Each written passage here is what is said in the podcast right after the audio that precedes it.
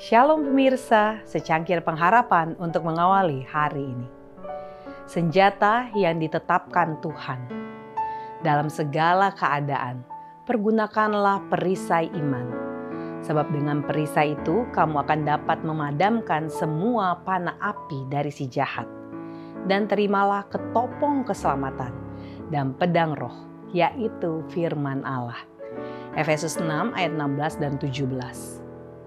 Allah telah menyediakan alat yang limpah untuk peperangan yang berhasil terhadap kejahatan yang ada di dalam dunia. Kitab suci adalah gudang persenjataan di mana kita dapat diperlengkapi untuk pergumulan. Pinggang kita harus berikatkan kebenaran. Penjaga dada kita haruslah kebenaran. Perisai iman kita harus selalu di tangan kita dan ketopong keselamatan itu. Dan dengan pedang roh, ialah sabda Allah. Kita harus merintis jalan kita melalui kesulitan dan jerat dosa. Memanggil Timotius di hadapan pengadilan Allah, Paulus meminta kepadanya untuk mengkhotbahkan firman itu. Bukan peribahasa dan kebiasaan manusia rela untuk bersaksi bagi Allah bila kesempatan terbuka di depan orang banyak dan lingkungan tersendiri. Di tepi jalan atau pada perapian, kepada sahabat-sahabat dan kepada musuh-musuh. Apakah dalam ketenangan atau tidak terlindung kepada kesusahan dan bahaya, celaan dan kehilangan.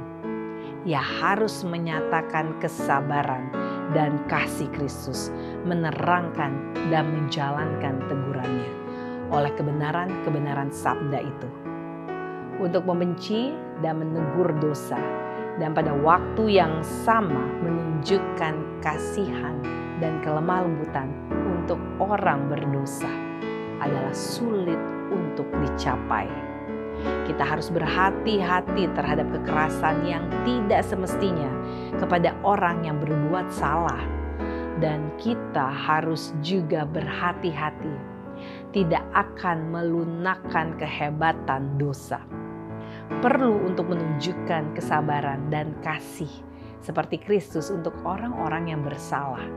Tetapi ada juga bahaya untuk menunjukkan kesabaran yang begitu besar terhadap kesalahannya sehingga ia akan memandang dirinya sendiri sebagai tidak memerlukan teguran dan akan menolaknya sebagai tidak memerlukan atau tidak adil.